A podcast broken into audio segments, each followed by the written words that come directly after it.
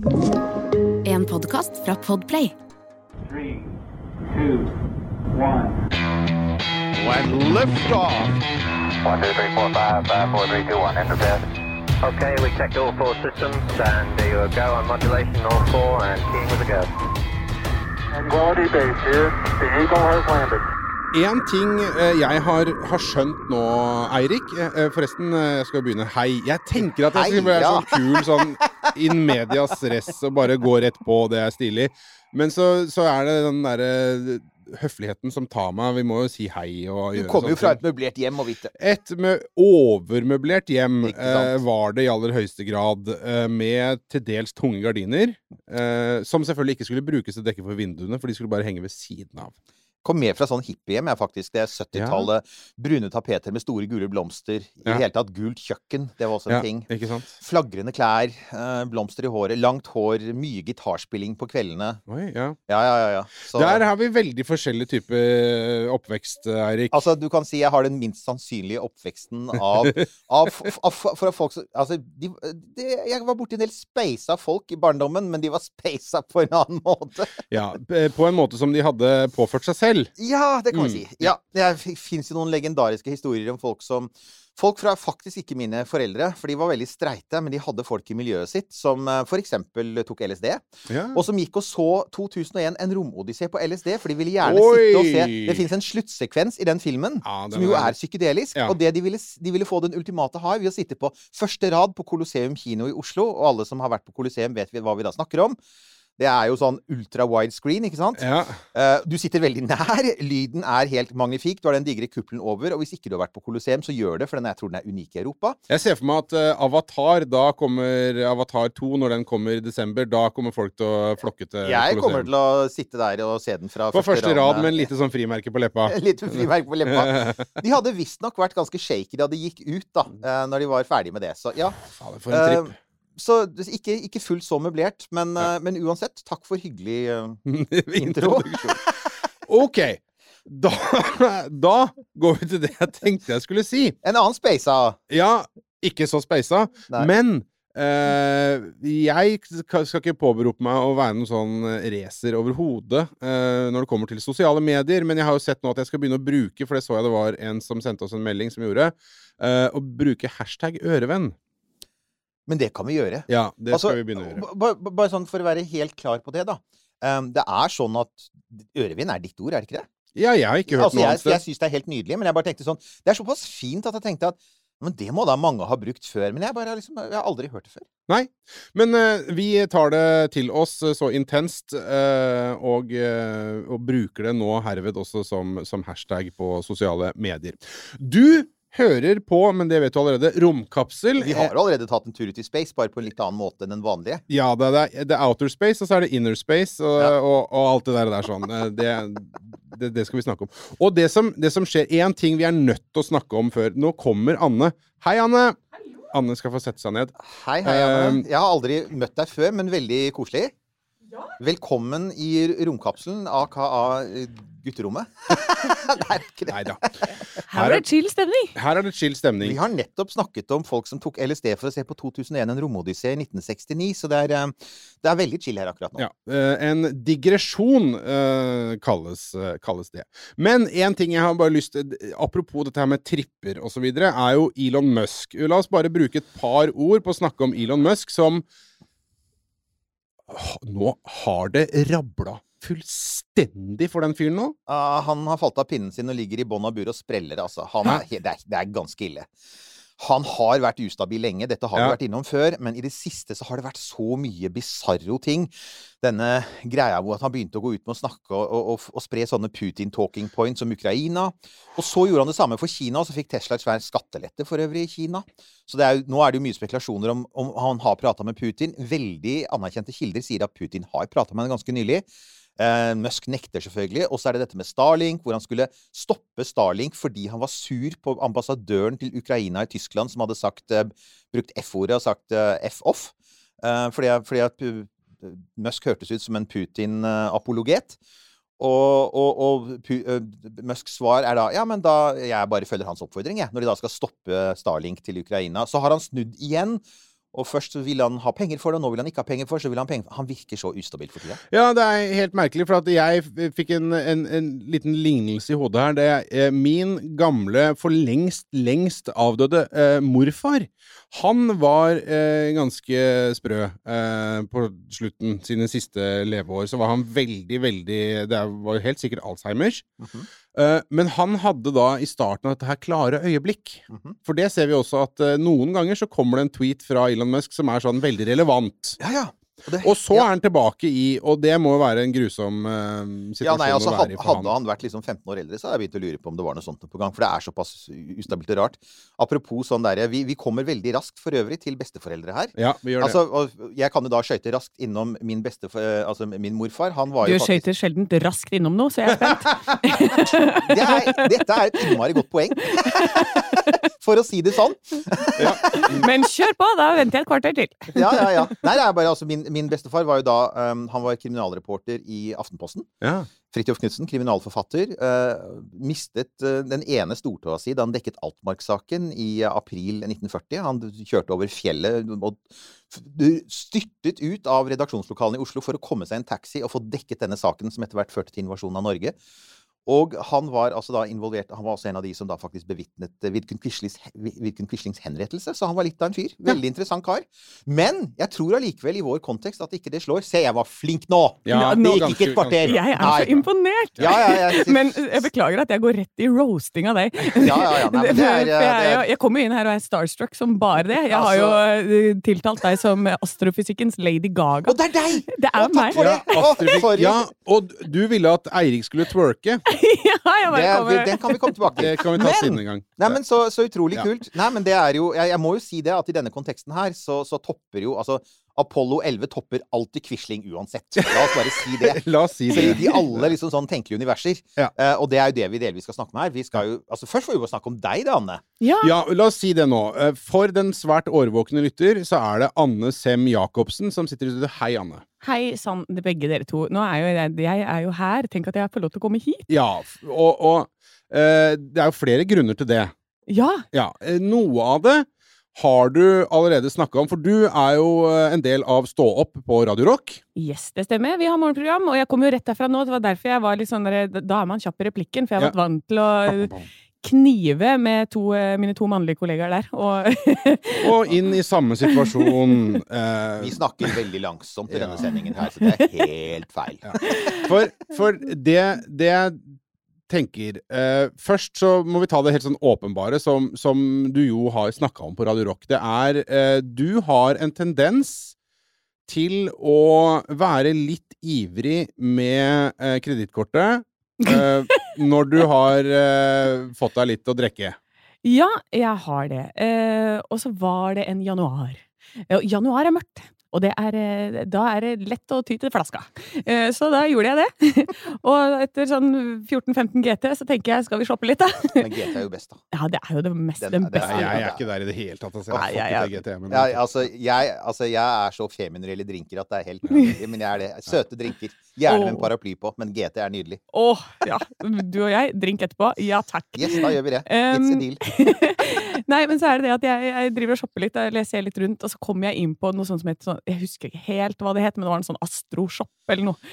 Og så ser jeg sånn oh, signerte bilder, uh, hvor Buzz Aldrin har signert disse bildene av at han går på månen. Mhm. Eh, og jeg tenker yes da, det skal jeg ha! så jeg eh, trykker på kjøp-knappen, og eh, kjøper da og klikker hjem et bilde til 9000 kroner. Ja. som, eh, som når, innen det når meg, da, og det, det her tar lang tid Jeg sitter jo og venter i et halvt år på det bildet her, Mhm. og får sånne updates fra eh, kona eller dattera eller et eller annet som jobber med dette. da. Ja, det var en dame som var involvert eh, med å, å styre greiene hans. Det har vært litt sånn frem og tilbake. For han er jo fryktelig gammel nå. Når gjorde du dette, forresten? Hvor lenge Nei, er det? dette var, det er i år. Akkurat! Ja. Ja. Ja. Så kult. Ja, nei, da, da kan jeg si at da er det nok Da har han funnet seg en Da er nok hun, hun nye. Men det, har- det har vært litt sånn frem Og tilbake. Og du har det med! Jeg har så med! Ja!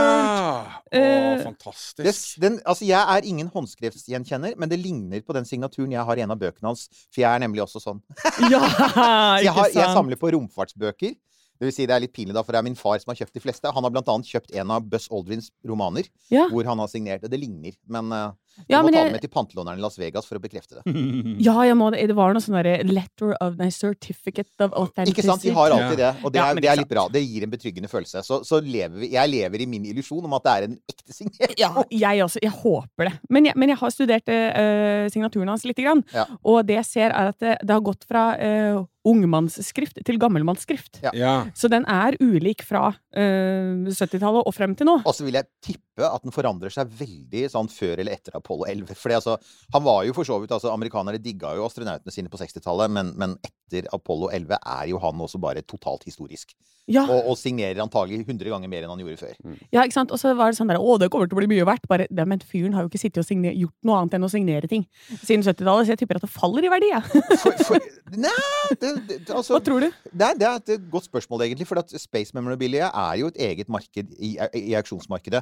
Jeg la ut en lenke på Facebook-sida vår her forleden, for at der drev de og solgte ut massevis av Altså, en, altså, det er, altså, vi har sånne signerte greier, men det fins jo sånn enda kulere ting der, som sånn deler fra, fra, fra romkapselen og sånn, altså, som, som folk har tusket til seg Mm. nå og selger.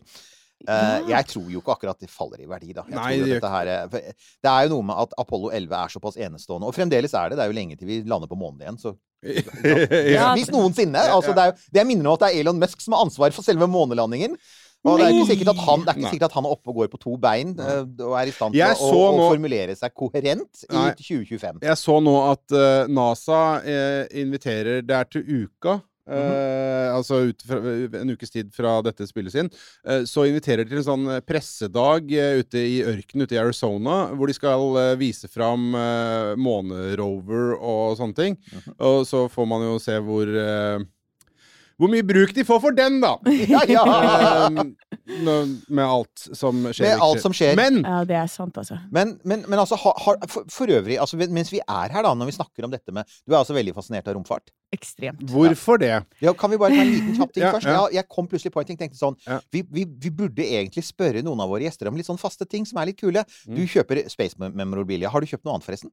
Eh, i- innen sånn space-ting? Ja. Nei, men jeg har jo fått litt, da. Jeg har jo en sånn eh, en Saturn 5-rakett uh, hjemme, som er fra, fra farfar Oh. Uh, og fra NASA. Og så har jeg månelanderen. eh, som også er eh, modell Du med alt Ja. Du har rett og slett litt. Men så er jo greia, tenkte sånn, siden vi først er her og, og snakker om space Altså, du sier Radio Rock. Vi har jo for, for så mye spørsmål om musikk. Ja.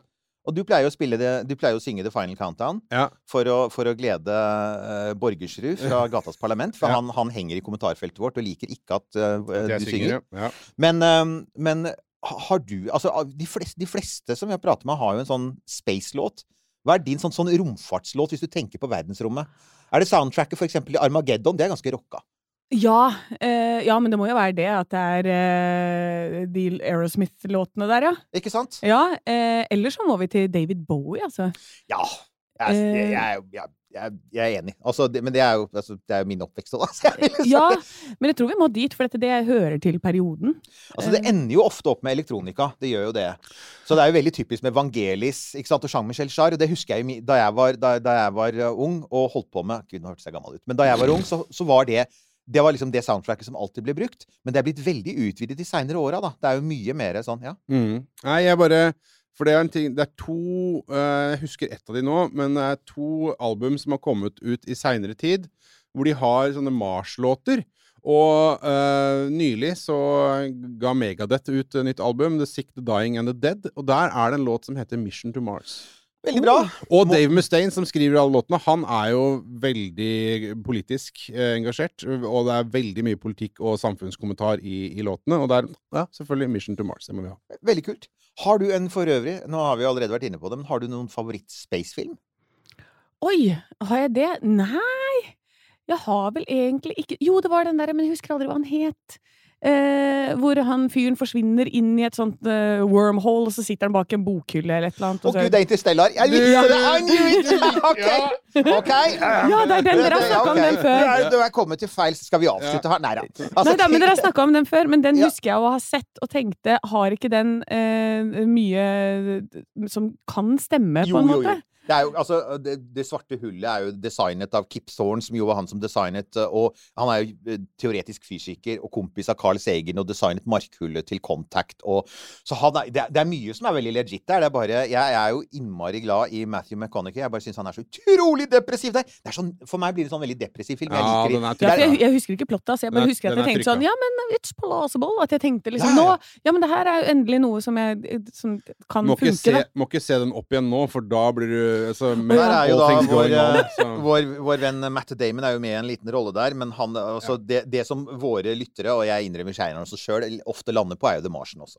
Ja. The Martian er jo også fin. Og det blir jo ofte det er jo et, Hvis vi skulle tatt en poll blant våre lyttere, så tror jeg veldig mange ville eh, sagt at det liksom er favoritten. Men OK, nå Nok om det. Nok Nå om det. vi Nå- Du har allerede nevnt han. Ja, du, du nevner farfar. Og det, er, og det er altså i stor grad altså, Anne, du er en super dame, men i stor utstrekning så er, må vi snakke om farfaren din. Vi må snakke om farfar. Det er derfor Eh, vi er her. Definitivt. Jeg er veldig lite Jeg jobber veldig mye lite på NASA. Eh, Ja. Det, han jobba der mer enn meg.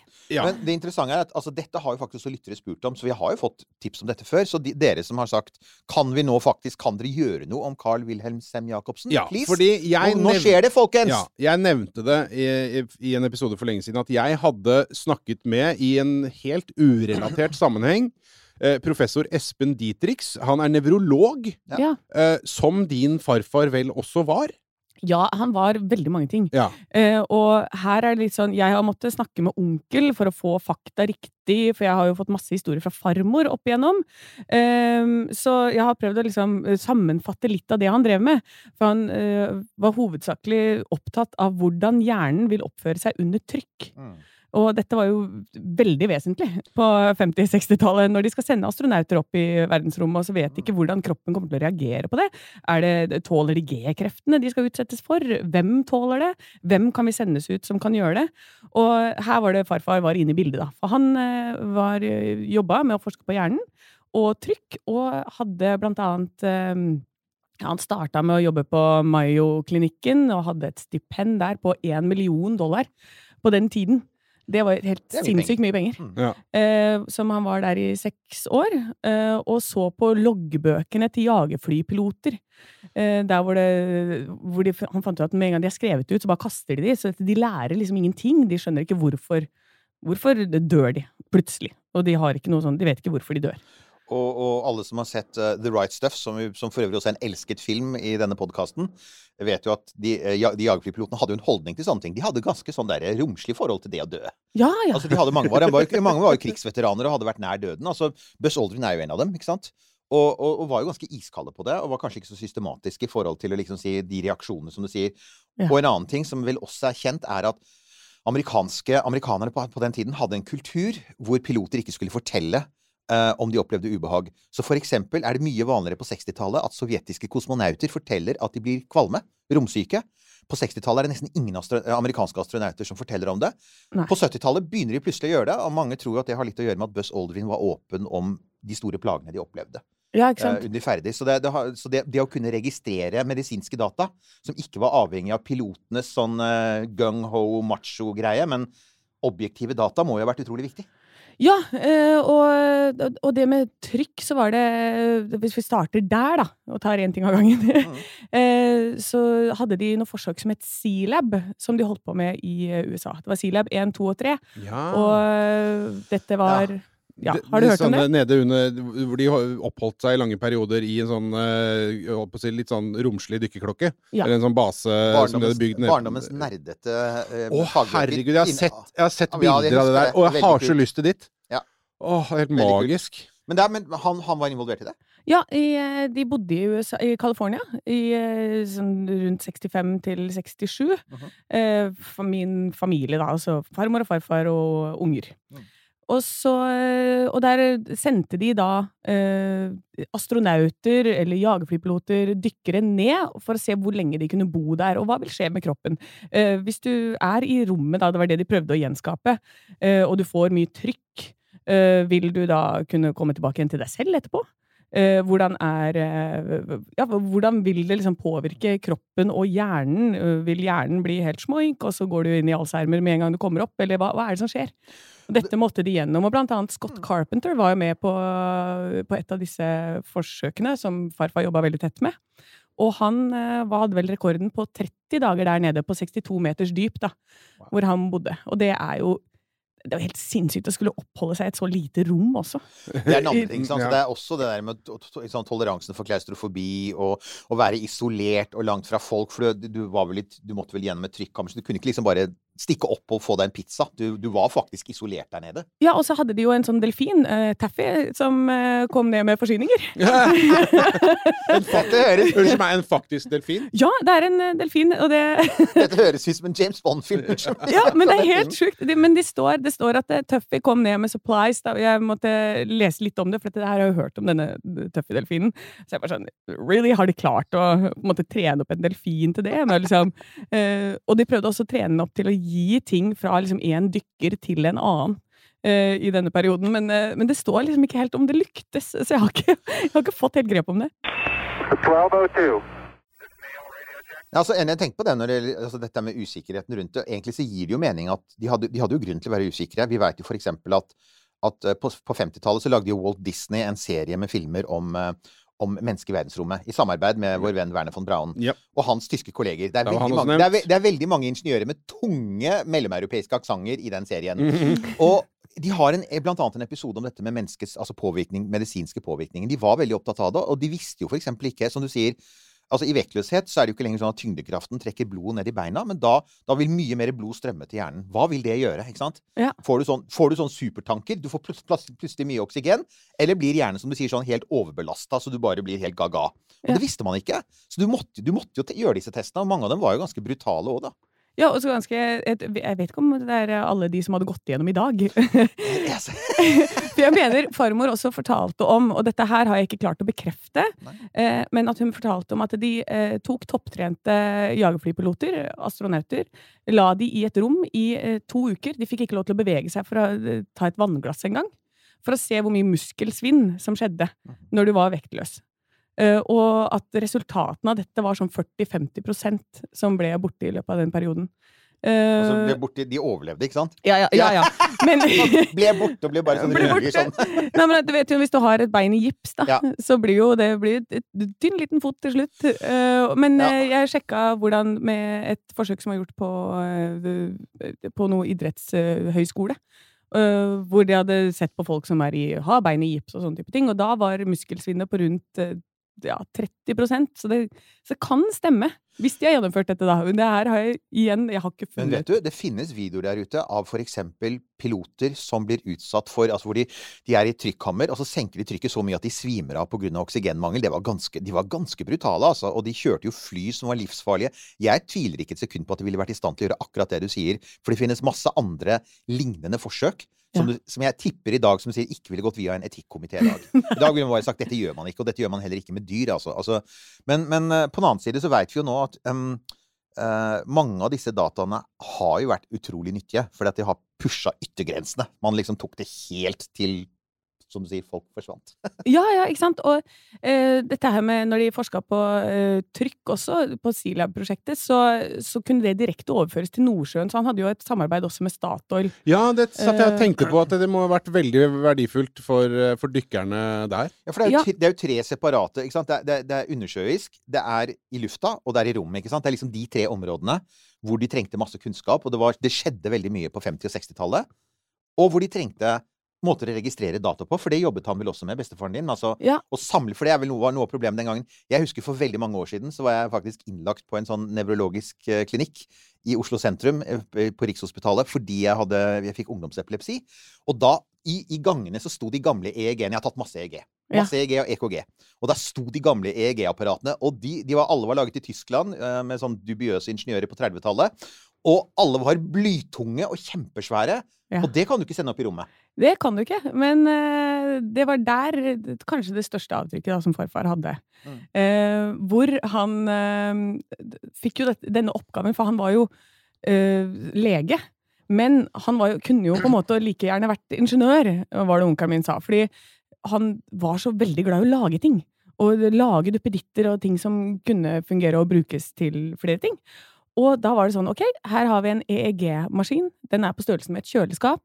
den skal være pocket size. Hvordan gjør vi det?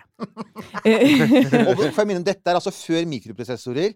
De har transistorer, men, de, de, men altså, vel, datamaskiner på den gangen på den tiden var også kjempesvære og hadde svære radiorør og sånne ting. Altså, så å, å få det ned og, og gjøre ting I dag er det ikke noe problem. Du kan sende en spesifikasjon til et kinesisk firma og få det ned på en femøring. ja.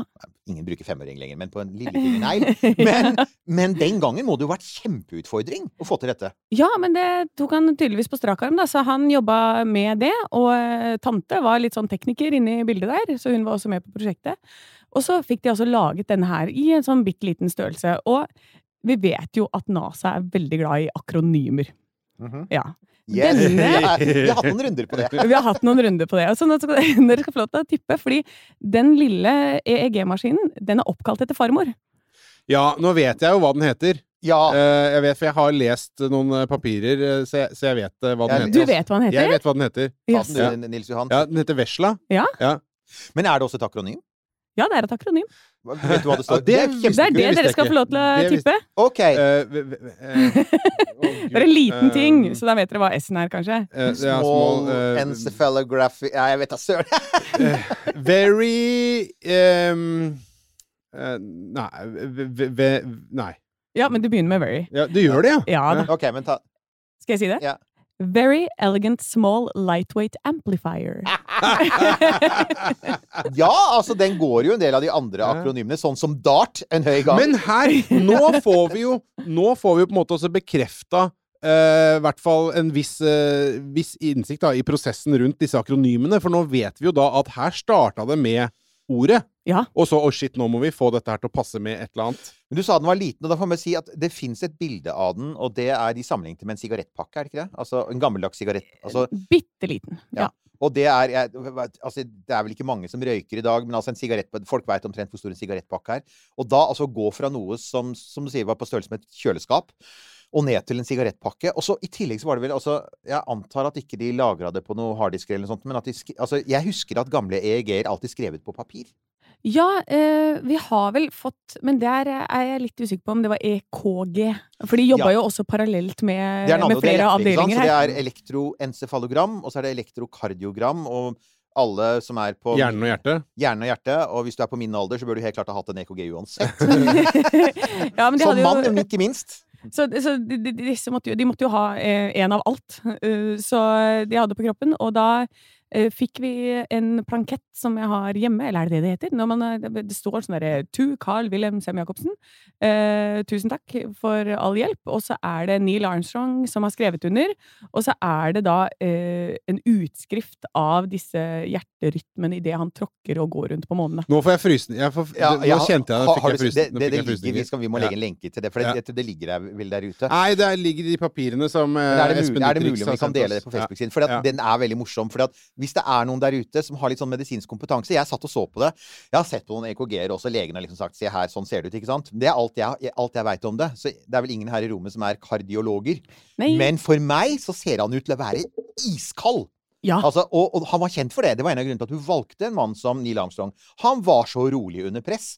Du har så mange situasjoner hvor andre bare ville frika ut og dødd, og han bare helt sånn som den ene gangen hvor han fløy, fløy den der flygende senga. Du ser det i filmen First. Man, og han nesten dør. Og han, han, er så, han er sånn to millisekunder fra å dø, redder seg i siste øyeblikk, lander i fallskjerm, går rett, rett og setter seg ved bordet og jobber og fyller ut noen dokumenter. Fra ikke sant? Og du ser det her. Han, han går ned på månen. De fleste av oss ville ha hatt en puls på 300. Ja. Og han er sånn helt rolig. Det er sånn sitte på hytta og se utover et vann, hvilepuls. Det er helt sprøtt. Ja, men det der eh, sier, det, sier Buzz Aldrin i et intervju også, at det er flaks at det var han eh, som var den første som skulle si noe smart. Fordi jeg hadde typ bare sagt woohoo! Nemlig. Altså, som, som jeg også ville. ha vært. ja! Jeg, og jeg ville vært helt, helt gira. Men det, men det viser jo også mye av verdien her. Ikke bare at du Altså, EEG-en viser om du kan blacke ut.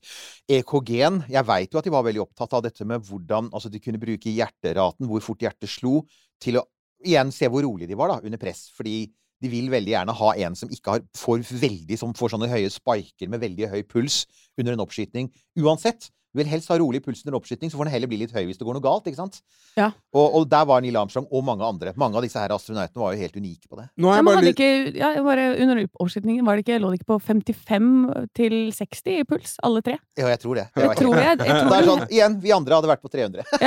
Ja, altså med tanke på at utgangspunktet er noe høyere enn eh, 55-60, så, så ja. Men ok, nå, vil jeg bare, nå har jeg bare lyst til å få det helt sånn i klartekst her. Det vi nå snakker om, eh, kjære romkapsellytter, er at eh, Carl Wilhelm Sem Jacobsen, Anne Sem Jacobsens bestefar, farfar, han lagde altså eh, disse eh, målerne, eh, sensorene, som astronautene hadde på seg da de landet på månen. Ja. Dette var altså eh, bare, Nei, men bare sånn Jo, at det det er- det er helt veldig klart, for at det, Ja, helt innimellom så får vi noen sånne rare eh, sånne tjup, at eh, Og noen nordmenn har hatt med noe å gjøre. Altså Vi har den samme greia ikke sant, med rimfaks og, og, og Hamran. Ja. At det, oi, oi, oi! eh, Her er det nordmenn som er med på noe helt spektakulært. og sånne ting Og det, Men ja. bare det greiene her, Det er, helt, det er jo helt vanvittig! mm. Ja, Og- det er, men det er jo, de var så nonsjalante på det vet du, i min familie. Ja, nei, men farfar var jo med å stifte NASA der, vet du. Jeg bare hæ, hva er hva er det du sier for noe? Nei, da var han på det stiftelsesmøtet, da. Eh, for å få stifta greiene. I var det 58 eller et eller annet. 58, helt riktig. Ja. NASA ble opprettet ved en sånn kongressvedtak da. Og det var sånn Hæ? Hva, hva er det du sier for noe? Bare, jo, han var det? Men, men hun hadde jo et sånt Forest Gump-liv. Det var jo sånn derre Å ja, nei, å ja, stakkars, når han ble skutt. Ja, der var vi jo. Eh, John F. Kennedy, Dallas, liksom. Bare ja, Hæ? Ja, det var rett rundt hjørnet der, vet du. Det var forferdelige greier. Det var veldig mye trafikk. Det, Men, eh, men ok, bare før, før, før vi går videre, så må vi bare Vi må bare ta bitte lite grann om liksom, eh, elefanten i rommet her. Fordi eh, en, en greie er jo at grunnen, noe av grunnen til at dette er litt sånn shit, hva, at dette tilfeldig kom oss for øre, er jo fordi at, eh, at eh, din bestefar, han ble jo i stor grad deskreditert. Uh, vi, kan vi snakke bitte lite grann om Vi trenger ikke å si så ja, veldig mye om det. Ja, jeg vet liksom men- ikke så mye om det. Jeg bare vet at det, det, det var mange ting som foregikk eh, back in the day, som var eh, en vei til målet. Ja. Uh, og jeg vet Ja. ikke hva folk var involvert i. Nei, altså, det, du, du, grunnen til at du, um, altså Jeg skjønner jo hvorfor du tar det opp, Nils Johan, for jeg gjør jo alltid research. Jeg googler han, og veldig raskt så dukker disse sakene opp med, med diverse konspirasjonsteorier, og ikke minst at han fikk penger fra det amerikanske forsvaret og, og, og, og CIA, var det vel også. Eh, men og, og det ble jo gjort en del altså Nevrologer på 50-tallet opererte ut fra du sier, noen standarder som ikke ble akseptable i dag. Det er helt klart. Ja, ja. Og det virker jo som om, din bestefar jobba innenfor de standardene som han i ettertid har sagt at vi ville ikke gjort det på den måten i dag, blant annet med sånne ting som samtykke og, og hvor, fort, hvor hardt du pressa folk. Ja. sier, altså, man gjorde ting mot mennesker som man aldri ville gjort i dag. Men, eh, men det er helt riktig. Det har jo vært, det har jo vært noen runder på det. Men det, det, for oss er jo det interessante her altså at det gjelder jo ikke Det er åpenbart at det gjelder en annen del. Blant annet så er dette med sånn Parkinson-forskning ja, Parkinson, og altså sånne ting. Ja. av hjernesignaler. Eh, Espen Dietrichs, nevrologen, er veldig opptatt av det, for han har jobbet mye med det. Ja. Og som han sier, han var jo også en pioner på det. Sånn by the way, han var, han, han var, han var visstnok den første som klarte å bruke dyp elektronisk stimulering av hjernen for å redusere symptomene i Parkinsons-pasienter, Yes. som er helt ekstremt. Vi snakker om 50-tallet igjen. Ja. Og da husk på at dette er disse kjøleskapsmaskinene, og det er ikke mikroelektronikk, og det er ikke god kontroll på noe som helst. Altså, altså for det er sånne ting jeg også tenker på. liksom hvor hvor god kontroll hadde man på spenning Ja, og styring og alt dette her? Alt var mye mer primitivt. Du, du hadde jo liksom dampmaskiner bare en generasjon før. Så jeg, jeg, jeg er egentlig ganske imponert over at det var mulig i det hele tatt på 50-tallet. Ja, Ja. ja, Nei, men som sagt, jeg, jeg vet faktisk ikke så mye om det. Jeg har ikke, eh, jeg har ikke så mye kunnskap Nei, akkurat vi der. ville bare, bare Bare ta det ha sagt det. ja. Men, men Ja. det sagt, eh, så syns jo jeg det, det er utrolig fascinerende å bare snuble over en historie som dette her. For det er så sinnssykt fascinerende. Og så, når vi da eh, kikker litt mer på det, eller han derre eh, som eh, han med saken er, som sitter der borte, Mhm. eh, kikker litt mer på det, så er det sånn Ah, the Air Force is strong in your family. Ja, for så det er jo ikke bare Det går lenger det, tilbake det, det, også. finnes et, det finnes et bilde Jeg skjønte det plutselig. Det var et bilde av din, uh, din bestefar. Og i bakgrunnen så er det en byste av en mann. Og så tenker jeg, hvem er det? Og så sier de å ja, nei, det er jo flypioneren faren hans. Ja. Din oldefar. Ja da. Einar Sem Jacobsen. Einar Sem Jacobsen, vet du, han uh, var grunnla Norges første flyplass. Eh, og var uh, By the way! Nå begynner, du, nå begynner du å høres ut som bestemora di. Nei, vi var jo der. Jeg var jo der, var jo trafikk. det. Ifølge også. Wikipedia en av de som bygde opp det norske luftforsvaret, som by the way. Ja, han satt jo på med en av Wright-brødrene på et eller annet tidspunkt der. What?! Ja. og ute og tok seg en flytur. Uh, og lærte Roald Amundsen å fly, for Roald Amundsen kom til han og sa sånn Du, kan du Jeg trenger noen flytimer. Ja, ja, ja. Det bare bli med på det. Så, familie. Ja, det, er så, det er så rart. Men det var litt sånn eh, Sånn som også farmor fortalte om, det. At det var sånn derre Amundsen Åh, det er en forferdelig fyr. For, åh, nei, nå kom innom, og Hver gang han hadde fått et stipend, så kom han inn. Så tok han med øh, farfaren, øh, farfaren Nei, ja, oldefaren din ut på rangeren, og så var de på Grand Hotell i tre dager og drakk opp av hele dritten, og da måtte han ut og finne på et eller annet. og det er liksom Note to historians. ja. ja, men det var sånn. Så Da bare ble den borte. Og da var det pikevin og sang og eh, full baluba fram til eh, det begynte å skorte litt på pengefronten. Eh, Men de hadde jo mm, Han var jo også med på et prosjekt Nå går vi jo til oldefar, Han Ja, ja. så litt vekk fra romfart, men til fly. eh, Dette fly. her er eksemplarisk. Hører du liksom hvordan hun bare sånn rolig Ja, er formidler at vi er bra. nå på et litt ja, Veldig bra. Tusen, tusen takk. ja, eh, men da var det De drev også med Han hadde også ballongførersertifikat nummer én. Selvfølgelig hadde han Eh, det. ja da. Så Ja, han drev med litt sånn drager og syntes det var gøy. Og når eh, Amundsen skulle på denne Nordpolferden, som egentlig var opprinnelig det han skulle Han skulle ikke til Sørpolen i det hele tatt. Han skulle til Nordpolen eh, og trengte å se litt framover, for de hadde en sånn propeller bak på uh, fram Mm. som de kunne heise opp når de, de skulle inn i isen. Men dette systemet tok veldig lang tid å ta opp og ned. Det tok liksom en halvtime. Så hvis du ser at å, her, eh, her er det en åpen vei vi kan kjøre inn, og innen det fikk ned, så kunne den ha fryst igjen, for det tok en ja, 30 minutter, og det fryser fort. Så da ville de ha noen sånne mm, ballonger hvor de kunne sende opp en mann i en kurv under en, nei, under en drage. Og så og se, da kunne man se 800 til 1000 meter fremover, og, og ligge i forkant. Det var hele målet. Men gikk jo gærent. Det kom jo et lyn. Ja. Tok førstemann som var oppi denne kurven, ikke sant? Ja, det var det. Ja. Ja, så jeg beklager til hvis det er noen som har familie som hører på, som er i familie med denne personen som eh, strøyker med der. Men allikevel, det er liksom Men det er jo litt Ja. sånn, altså Mann i kurv under drage over, over Nordpolen. Det er litt Per Ulv, kan vi si det? Eh, Ja. Mangler Ja, ja, bare ja, sånn stor ambold fra Akme. Ja, der har vi det. Ja, jeg har et bilde som vi også kan legge ut på Ja, ja, ja. Ja, kjempekult. Hvor han sitter oppi den står Einar som Jacobsen oppi, eh, oppi den kurven, og så er det et bilde etterpå. Da henger uh, Amundsen i en sånn bowlerhatt under, for dette, han gadd ikke å ha kurv, han bare krabba litt lenger opp. Ja, ja, Så ja. han henger på den flere meter over bakken. Så de Men- dreiv med sånne halsbrekkende stunt. Det var litt sånn derre Igjen, da. Det er den derre Ja, pionerånden ja, og den si. Derre viljen. det tydelig. viljen. Og det er noe av det du ser, og den varer helt fram til 60-tallet. En sånn hvor Det er litt sånn happy-go-lucky. Ja. Er- Og, og, og du kan si problemet med det, fordelen med det, er at du gjør veldig store fremskritt på veldig kort tid.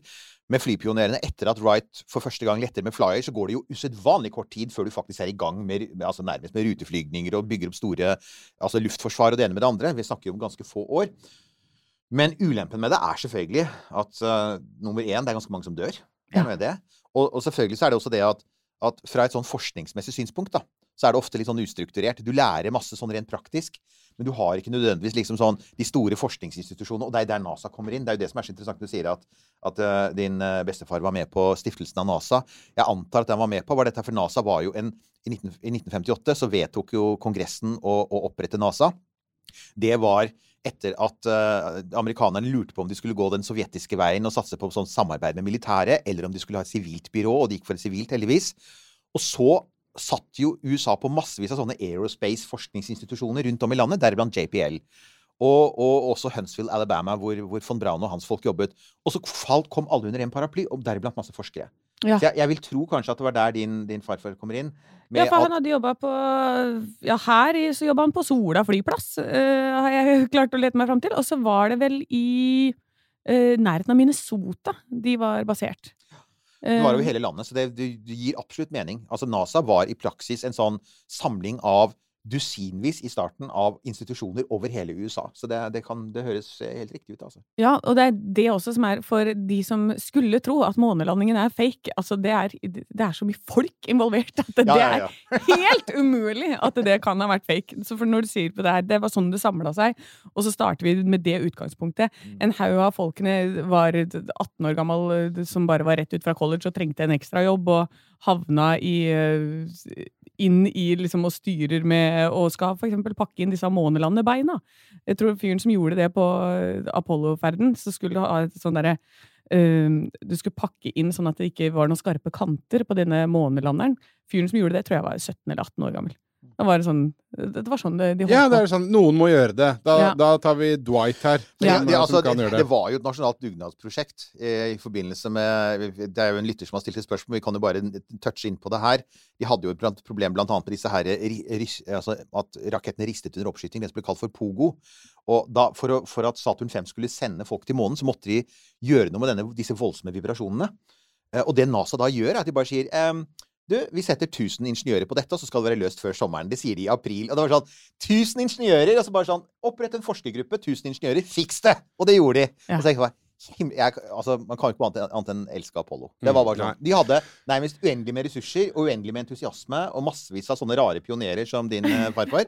ja. Og jeg synes bare er så kult. 1202. Vi spiller inn denne podkasten i eh, studioene til Bauer Media, hvor eh, da annet Radio Rock eh, også holder til. Og så har da Anne Sem Jacobsen snakket med en eh, kollega i Radio Rock eh, fordi hun skulle hit. Og eh, så var det noe med noen astronauter og noe skiferstein. Eh, som Hæ? Å oh, ja! ja! Så, for det er jo De har jo også, du, har liksom, din, din bestefar har jo ikke bare laga instrumenter for dem. Han har liksom virke, vært liksom busser med noen her også. Nei, vi må ta noe arbeidsleir da, opp på hytta. Det er jo kjent i vår familie. Hver eneste ferie, vi bærer ting. Fordi vi har hytter eh, som Da har vi en i Jotunheimen hvor eh, du først må liksom eh, over i en båt, og så må du opp fra strand og opp til denne hytta. Eh, det ligger der ingen skulle tro at noen kunne bo. en ordentlig hytte, med andre ord. En sånn, En- sånn der, en urhytte.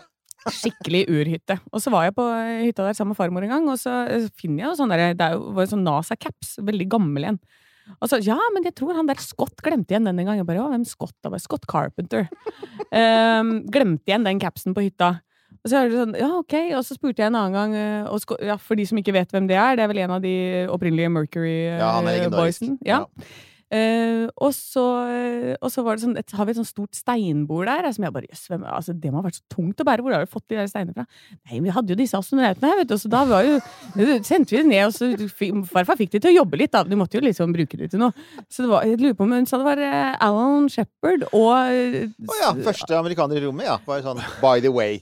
som, som var oppå der og, og bar opp skifemøblene som jeg har på. Jeg, jeg syns jo det er helt konge. Det er bra bruk av eh, Men det du egentlig sier, er jo at disse folka var en del i Norge, og kanskje mer enn det vi var klar over. For vi får av og til sånne hint også fra lyttere som sier Visste du at, at det landet fly i nærheten av der jeg bodde med astronauter om bord? Jeg hadde aldri hørt om det.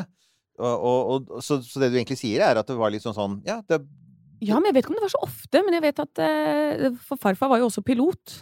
Eh, Så han fløy jo sjøflyet sitt opp dit, han. Sjøflyet sitt. Oh, ja, ok. Da begynner jeg å skjønne litt lettere hvordan man kom seg til den hytta hvor ingen kunne fly. ja, ja. Det Ja, ja. hjelper å ha et sjøfly. Så det, det hjalp nok, det. eh, Og fikk de opp der, så Men det er, men ikke sant, dette her er jo historier jeg får fra farmor. Det er helt umulig å ettergå og, og finne liksom sånne Der var den, og der var den. Så jeg, Ja, men det er, vet lett ikke å, hvor det mange er lett å tro på det, da. Jo, men også er det, dette, dette, Men dette går jo ikke egentlig som altså, Jeg er jo bare glad for at hun har tatt vare på de historiene, at, at hun fortalte dem til deg, og at vi nå formidler dem i et podkastformat. For et av problemene, det kommer tydelig fram. Altså, en del av det du kan finne om, om, eh, om, om eh, han på, på nettet, er jo nettopp basert på det som Espen Dietrich har samlet sammen. Ja. Og han sier også dette selv. Han sier i artiklene sine, eh, og mange av dem er lesbare, vi skal legge noen lenker til dem, um, er jo eh, at det er dokumentert for lite. Ja. At det er en del av norsk historie, norsk vitenskapshistorie, og også faktisk norsk romfartshistorie, som nesten ikke er dokumentert i det hele tatt. Og dette har vi jo slitt med hele veien, vi. Altså, man har ikke tatt vare på det. Så jeg syns jo Jeg er veldig glad for, jeg, at uh, din farmor faktisk har gjort dette her. fordi hvis ikke hun forteller de historiene til deg, og du forteller dem videre, så blir de faktisk borte. For mye er jo ikke nedtegnet i det hele tatt. Nei, og vi har jo så mye historier. Eh, Og hun er jo død nå, men uh, døde for fem år siden. Seks år siden. Uh, så, og farfar døde jo i 91. Så det er klart at uh, det, det, han, kilden, den er vanskelig å få tak i. Eh, men, uh, men det var masse historier der. Altså, hun fortalte om alle disse her representasjonsmiddagene. Og så bare, å, ja, men han er Erik Tandberg, han drev og løp rundt i stua her, vet du. For da var jo han liten når de drev, hadde sånne store samlinger. ikke sant? Det kom jo ja, om det var noe astronautbesøk, og så var det noen folk derfra og derfra, og så samles de hjemme da i Tanumveien, der hvor de bodde i Sandvika. Um, og der var det veldig mye sånn hvor de måtte underholde, da. Mm. Uh, så farmor satt der, hun sa at uh, de kunne være litt sånn som så litt ned på henne, for hun var liksom kona, og han var liksom den smarte og sånn der. Så, men jeg har funnet ut at sassy nesten, det har jeg fått fra farmor. For hun eh, De var sånn derre Å ja, så gjorde de narr av hvordan hun snakka engelsk, da. Eh, og så sa hun sånn What? ja, og da sitter hun sånn der i en representasjonsmiddag med noen sånne cocky folk, astronauter eller et eller annet. Og så sier hun sånn Yes, but I bet you can't see kjøttkake. ja, så Nei da. De, de holdt på. Det var, men det er som du sier, da. Det er liksom, alt er en sånn bihistorie. Sånn Ja, ja så gjorde de det. Altså, som du nevner, Erik Tandberg. Vi vet jo at den mannen hadde et gigantisk kontaktnettverk, og antagelig hadde mye mer å fortelle enn det han noensinne rakk å fortelle. Fordi, altså, så, så det har jo vært, vært mye av dette her. Jeg er jo fremdeles veldig fascinert av, av igjen, disse veldig kompakte små enhetene på størrelse med sigarettpakke. En enhet som kan registrere. Og det bare sånn, før vi glemmer det, altså med EKG så fester du elektroder på, på kroppen, ikke sant? I, gjerne i brystregionen. Jeg antar at det var sånn den gangen òg. Og det satt da Det måtte sitte direkte på huden. Sånn at du måtte ha For du kunne jo ikke ha, liksom, du kunne ikke ha det utenpå romdrakten. Så det er Så eh, din farfars utstyr var vel faktisk noe av det første de tok på seg, ikke sant? Mm. For det, det, å, det å kle på en astronaut det har vi lært av Nima, Ja. vår venn. eh, eh, at det å kle på en astronaut er jo virkelig ikke bare som å hoppe eh, liksom, i truse og T-skjorte om morgenen. Det er virkelig ta, kan Altså, ta timer. Åh, fy søren. Å, å gå inn i en sånn klaustrofobisk innretning som, uh, som Nima snakka om det, altså, det, det, er- det, det høres altså så forferdelig ut at du må holde Ja. pusten idet du går inn, Ja, ja, ja. og så lukkes du inne, og så er du der. Det er, et, det er et bilde av han hvor han, han, han skviser seg inn i den der Orlan, russiske Ja, ja, Orlan-drakta. Jeg bare tenker ja, never! Never! Ikke det at jeg ville passet, men en, uansett. Men, men, men, det, men det er jo et, et, vesentlig poeng, da. For det det betyr, er elektrodene festes da eksempel i, um, i særlig, de, særlig um, EKG-ene. Altså EEG-ene festes på hodet. Det er litt lettere, for de hadde jo en sånn, der, sånn Snoopy cap, en sånn der tøy, tettsittende tøygreie som vel holdt det på plass, men det var vel bare ett lag, og så hadde du hjelmen. Men med klærne så er det noe annet. Så der har du først elektroner, og så har du, har du en, nærmest en sånn slags eh, sånn uh, hel one piece, et eller annet sånt med tynt stoff. Og så har du kjøleelementer, og så har du drakten, som i seg selv er mange lag. Og da skal de elektrodene sitte i den svette kroppen, og de skal funke. De skal ikke skli. Liksom- Hvis du tenker på det rent praktiske. Ja. Ganske imponerende, altså. Så det eneste jeg lurer på, men det, jeg skjønner jo hvis ikke du veit det, det er jo sånne ting som liksom sånn OK liksom, Hvor endte kabelen hen, hvis du skjønner hva jeg mener? Altså, for, for eksempel Neil Armstrong. Han er på månen. Stiger ut, og vi, ha, vi har altså faktisk hans EKG. Hadde han det liksom sånn, hadde han en sånn innerlomme i drakta? Altså, for den var jo veldig liten. Eller satt i den svære ryggsekken. Det ble, altså, dette må vi finne ut av på et eller annet vis. Ja, nei, det aner jeg ikke. Det har jeg også tenkt på. Altså, tenkt på hvordan de altså, Var det radiosendte de de bølgene ned til jorda, eller altså det, det, Ja, de gjorde jo det. Ja. Det var jo uh... ja, altså, det jeg tror, altså, så vidt jeg kan skjønne, da, så var det den gangen så var det sånn at For jeg har sett på et av bildene, så ser det ut som det er Altså, det, er, det følger med en printer.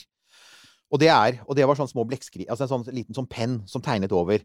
Eh, og, og hvis det stemmer, så er det meget mulig at de i hvert fall sånn De endelige dataene ble tatt med igjen i form av papir, faktisk. Og at det var strimler som, som Men de som- hadde jo De hadde jo, de hadde jo liksom flight surgeon som satt der nede og hadde oversikt Det over, jo, er over dem, Riktig. så de, de sendte jo ned Ja, signalene Ja, via, er via, radio. Det må, via, det må ha vært via radio. Du har helt rett. De må jo det. Og så ser jeg for meg at det, det, det sitter i den der biten for den Darth Vader-enheten som de har på magen. mm, Der var den eh, Der lå vesla ja. i ei lita lomme Vesla var på månen. Det er så bra. Det er altså så koselig. det. Er så koselig. Men her har vi jo da Vi har jo faktisk folk som hører på oss, som også kan ha peil på det. Så, si- så gi nå endelig beskjed på Facebook da, hvis dere veit noe mer om det. For det er Det hadde vært litt morsomt å bare finne ut av hvordan de Liksom i hvilken del av prosessen det var. For at det var en helt avgjørende del. Det var jo veldig viktig å få gjort disse målingene. Etter hvert så veit vi jo at astronautene kunne bli litt sånn lei av dette, og vi veit jo at de av og til rev vekk elektroder, for de likte ikke tanken på dette med at de alltid skulle overvåkes, og det skjønner man jo. Ja, jeg har jo, var det, vi har en autograf fra Scott Carpenter eh, hjemme. Og der står det Han har skrevet eh, Jeg måtte skrive det ned.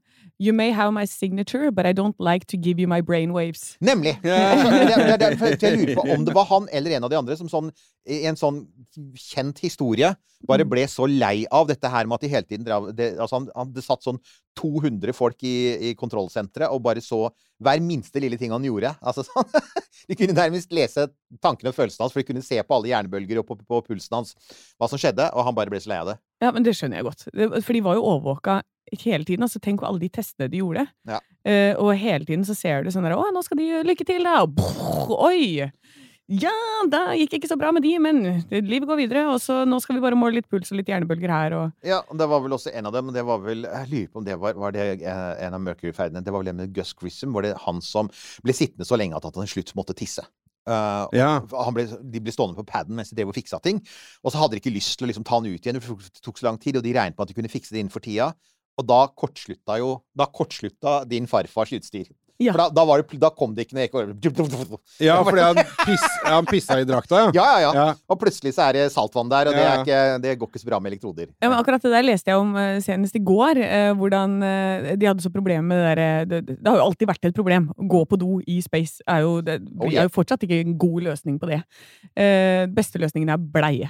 Men eh, eh, da var det de første sånn derre at du skulle tre noe på for å, for å lette ut i et sånt eh, slags, en slags kondom av noe slag. Men det var jo Folk ville jo ikke ha størrelsesmål, ikke sant? Nemlig. Så de gikk for large, så det passa jo ikke. så, så det var hovedgrunnen til at de første feila så veldig. Fordi de, men så måtte de endre navnet på det. Jeg tror de kalte det for sånn The Giant og The Ultimate. Og det, det var sånn der, De endra bare navnene på det, og da valgte de riktig størrelse Same til hva som passet. Som, som antagelig alle verdens kondomprodusenter også gjør. Ja, ja. By the way, The Trojan! Ja, det- Så bare det, ja. the beast. Ja. Men, eh, Vi, kom, eh, vi havner på litt sånn, i litt sånn rare hjørner innimellom i denne podkasten. ja, men, det, men vet du hva? Men det handler jo også litt om, og det syns jeg er noe av det morsomste med denne historien, er jo nettopp det at når det kommer til stykket, da, så er det mennesker av kjøtt og blod. Det er kropper som skal opp i rommet, og de skal utsettes for enorme påkjenninger. Og vi veit hva som skjer med kropper når de blir utsatt for veldig store påkjenninger uh, på, på jorda. Så, så jeg tenker at det blir jo litt sånn Det blir av og til litt kroppslig i denne her. Ja, det kommer til å havne Ja, hånda i været, du. Det, det, Det er veldig, veldig Oh, ja, Det, det er bare å kaste seg innpå. Nei, da, jeg, jeg bare tenkte i forhold til det med hva kroppen tåler, og det med G-krefter og sånn. Ja. Uh, for det var Hvordan de målte det, var ved å sende uh, jagerflypiloter ned i sånne loops, sånn at de fikk liksom et press på seg. Mm. Uh, mange av de svimte av. Eh, de døde. Eh, og farmor fortalte det at eh, på et eller annet tidspunkt så driver farfar midt i et sånt forskningsprosjekt, og han ligger og vrir seg og bare ah, ah, hvorfor, hvorfor dør de? Hvorfor svimer de av? Hvordan skal jeg finne ut av det? Og så var han sånn Åh, kan du ikke bare filme de, da? Og så var det sånn Ja, jeg kan filme de. Så begynte han å installere filmkameraer og filme disse jagerflypilotene, som da blir utsatt for en haug med G-krefter. Og så ser du at de bare ja, Så de svimer av. Og så kommer de til liv igjen. Og så blir de intervjua når de kommer på bakken, og så sier de sånn Ja, men var det noe spesielt som skjedde? Nei, det gikk fint, det. Mm. Ja, har du følt deg dårlig eller uvel? Nei, ikke i det hele tatt. Og da var det det at de ikke huska heller at det hadde skjedd. Så de, og da fikk de se filmen av seg selv som bare ligger og henger med huet og et fly i fritt fall. Og så at de kommer opp igjen. Eh, så det var en av de tingene som eh, ble et sånt inntakskrav for å kunne bli astronaut, for de brukte jo jagerflypiloter. Mm. Eh, og da kunne de se her sånn Ok, men du kan bruke han der, for han tåler 5G. Men du mm. kan ikke bruke han her, for han tåler bare 2. Ja. Eh, så, så, det var jo også et av de kravene du ja, måtte gjennom. Det. Og det, det, det, gir seg selv, egentlig. Altså at, at disse, disse, sensormålingene var, ble brukt til å filtrere bort astronauter. Ja. Selv, Fast forward, altså en god del år, så viser det seg da også at uh, farfar Sem Jacobsen had, spilte jo en viktig rolle for utviklingen av teknologi som de brukte for å lage Top Gun. Er det sant? Ja, men for der har du jo filma i fly veldig mye. Ja, ikke sant? Det var bare en stretch, så må jeg bare ta det til deg. Av, av, Ja. av sånne nonsjalante historier som fortelles eh, når Anne Sem Jacobsen kommer i middagsselskap, så er det sånn Ja, og tilfeldigvis, og bla, bla, bla, bla, bla. Og så ender det med Tom Cruise. Ja, Ja. Tom Cruise Som for øvrig, nå, nå er det jo banka at eh, han skal lage film i verdensrommet. Og den store spørsmålet nå, det er jo om eh, tommelen skal ut og gå. Ja. Eh, der, og der har jo folk vært veldig tydelige på at det er en egen utdannelse. Du kan ikke bare Vi har jo annet snakket med Mike Massimino i sin tid, som gjennomgikk eh, romvandringstreningen til NASA for, Mhm. fra romferja. Han fiksa romteleskopet.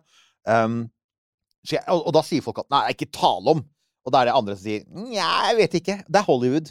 Det er, en av, altså, det er sånn uh, Det er Tom Cruise og scientologkirken. It's gonna happen. It's, I, I, think it's gonna happen. Han får på seg Han får på seg antagelig den derre eh, EMU. Ja. Ut. Ja, altså vi må vel begynne. Jeg ser jo Vi har vel en sånn liten tidsfrist her. Ja, vi har en tidsfrist da, i dag. Vi har det. Dessverre, egentlig, for dette kunne vi holdt på med mye lenger. Dette var utrolig hyggelig. Ja, jeg var veldig spent jeg, før jeg kom, så tenkte jeg sånn Jeg har ikke så mye å si. Men så kom jeg på at jeg sitter i studio med deg, jeg, jeg, Eirik, og da, da går skravla, det.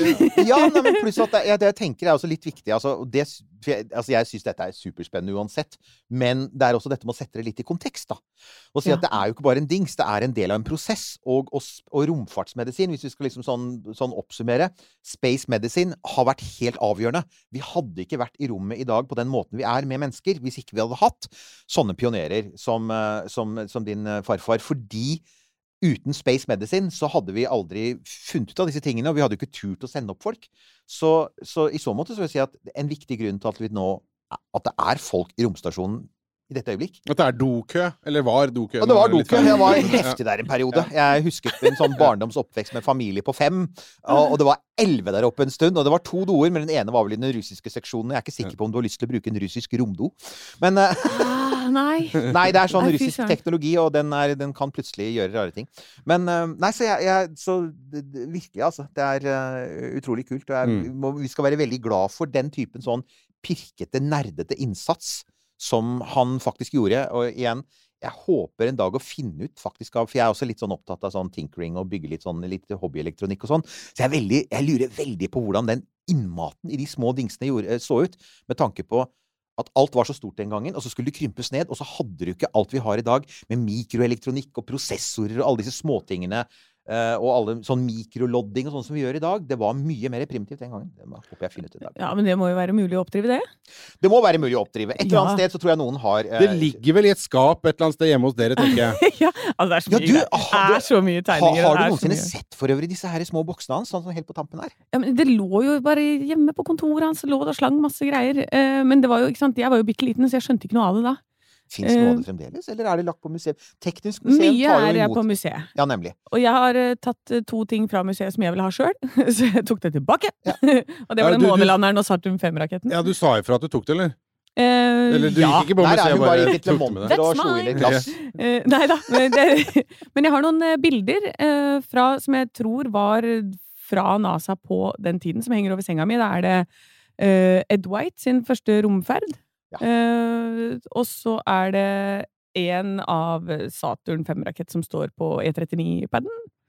Eh, og de så har jeg liksom hengt over. Og det, og det er sånne plansjer som er sånne ordentlige, som jeg lurer på om de fikk i gave, da, for det står på baksiden sånn fra NASA.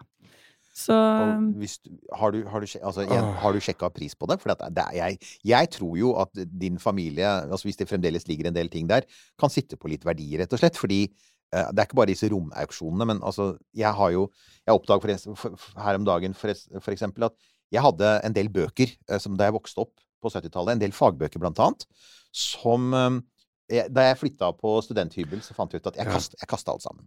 Ja. Jeg fant ut jeg trenger jo ikke disse bøkene. ikke sant? Det, det, det, det var barnebøker.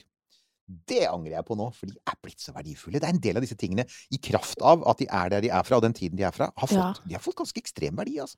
Oi, oi. Ta godt vare på det. Så ta sjekk det lite grann. Kanskje jeg kan selge det for 9000 kroner, og så få tilbake igjen Få penga for det ja, ja. bildet jeg har her? Det er kult, det bildet, da. Det må sies. Tror jeg helt sikkert du kan kjøpe deg større leilighet eh, eller noe sånt noe, så Ja. det tror jeg nok eh, sikkert. Men Anne, dette var sammen. kjempehyggelig. Så folkens, det er dere som da har spurt om Carl Wilhelm Sem-Jacobsen, nå har dere fått vite litt mer. Eh, og om noen av dere vet enda mer, så gi gjerne tips, da. For det kan igjen hende at det er noen der ute som kjenner noen, eller husker noen som kjente han. Så gjerne, legg gjerne inn tips. Vi kommer jo til å legge ut dette på Facebook-siden vår når, når sendinga går. Eh, og da kan dere komme med kommentarer og tips og, og, og alt mulig. Og da Ja. i så fall skal vi videreformidle det til deg, Anne. Ja, det må dere gjøre. Så vil jeg bare si tusen takk for at jeg fikk komme. Jeg har jo hatt en T-skjorte her, som dere Ja, jeg ser. ser Ja, det! jeg ser har det. sånn The origin, the OG. Ja. Jeg fikk eh, romkapsel-T-skjorte av min venn Jørgen, som er min sånn fellow nerd på, på denne podkasten. Vi har jo hørt på dere i mange år. Uh, så hvor lenge har dere holdt på nå? Tre Ja, det nær... Åssen er det? Var, altså, det var jo sommeren 2019. Vi. 2019. Sommeren 2019 begynte vi. Sommeren 2019 Ja, er det ikke sant? faktisk. Fordi det var, vi, vi starta jo den 16. juli. Vi skulle jo egentlig starta den 20. juli eh, 2019, som eh, var jubileumet, men så var det jo sånn at eh, vi var bortreist eller noe sånt nå. Ja, det var Og så startet vi på oppskytingen av Saturn 5 med Apollo 11. Det gikk den 16. juli 1969, så vi gjorde det. Mm. Ja, ikke Så sånn, sånn, det, det, er denne podka det er sånn denne podkasten funker. Nei, det er helt nydelig. Nei, Tusen takk for at jeg fikk komme. Da har jeg fått møte mine helter. Det er veldig koselig. Hør på Radio Rock, folkens. Og, men ha i bakhodet, da, eh, spacemusikk. Eh, det fins jo, det er Apropos det, så fins det jo en gjest der ute som reiser rundt med bare spacemusikk, som Pål Brekke, vet du. Ja, Pål Brekke, han på Romsenteret, Solforskeren. Vi har hatt han i studio Ja, ja. mange ganger. Men Pål holder Han har, har jo et eget foredrag som heter Astrorock, som bare handler om de mest speisa låtene. Få han i studio. altså, det, jeg, Med en gang Olav har sjuke barn, og Henrik har fått uh, omgangssyke, da er jeg og Pål Brekke. Ring Pål Brekke, og så lag en egen Astrorock-sending. Det syns jeg hadde vært innmari kult. Jeg, vil- jeg vil også være med. Jeg kan, jeg kan synge. Eh, romkapsel.no. Der finner du uh, kopper og T-skjorter. Eh, veldig hyggelig eh, alle som eh, bestiller. Og tusen takk til alle som støtter oss på Vips Romkapsel, Newt og Halvorsen. Facebook, der er vi jo som Skjer vanlig. ting. Twitter av og til før ja. den godeste Elon Musk kjører i grøfta. Han, er, han kommer til å gjøre det. Ja, og på min Instagram, eh, Anne Sem Jacobsen, så eh, finner du også bilde av, eh, av disse hjerterytmene og den Neil Armstrong-autografen. nydelig. Ja. nydelig. Da, da, så bare da gå inn og bla seg inn der. Tusen takk for en fantastisk historie, Anne. Ja, Tusen takk for meg. Du har hørt en podkast fra Podplay. En enklere måte å høre podkast på. Last ned appen Podplay, eller se podplay.no.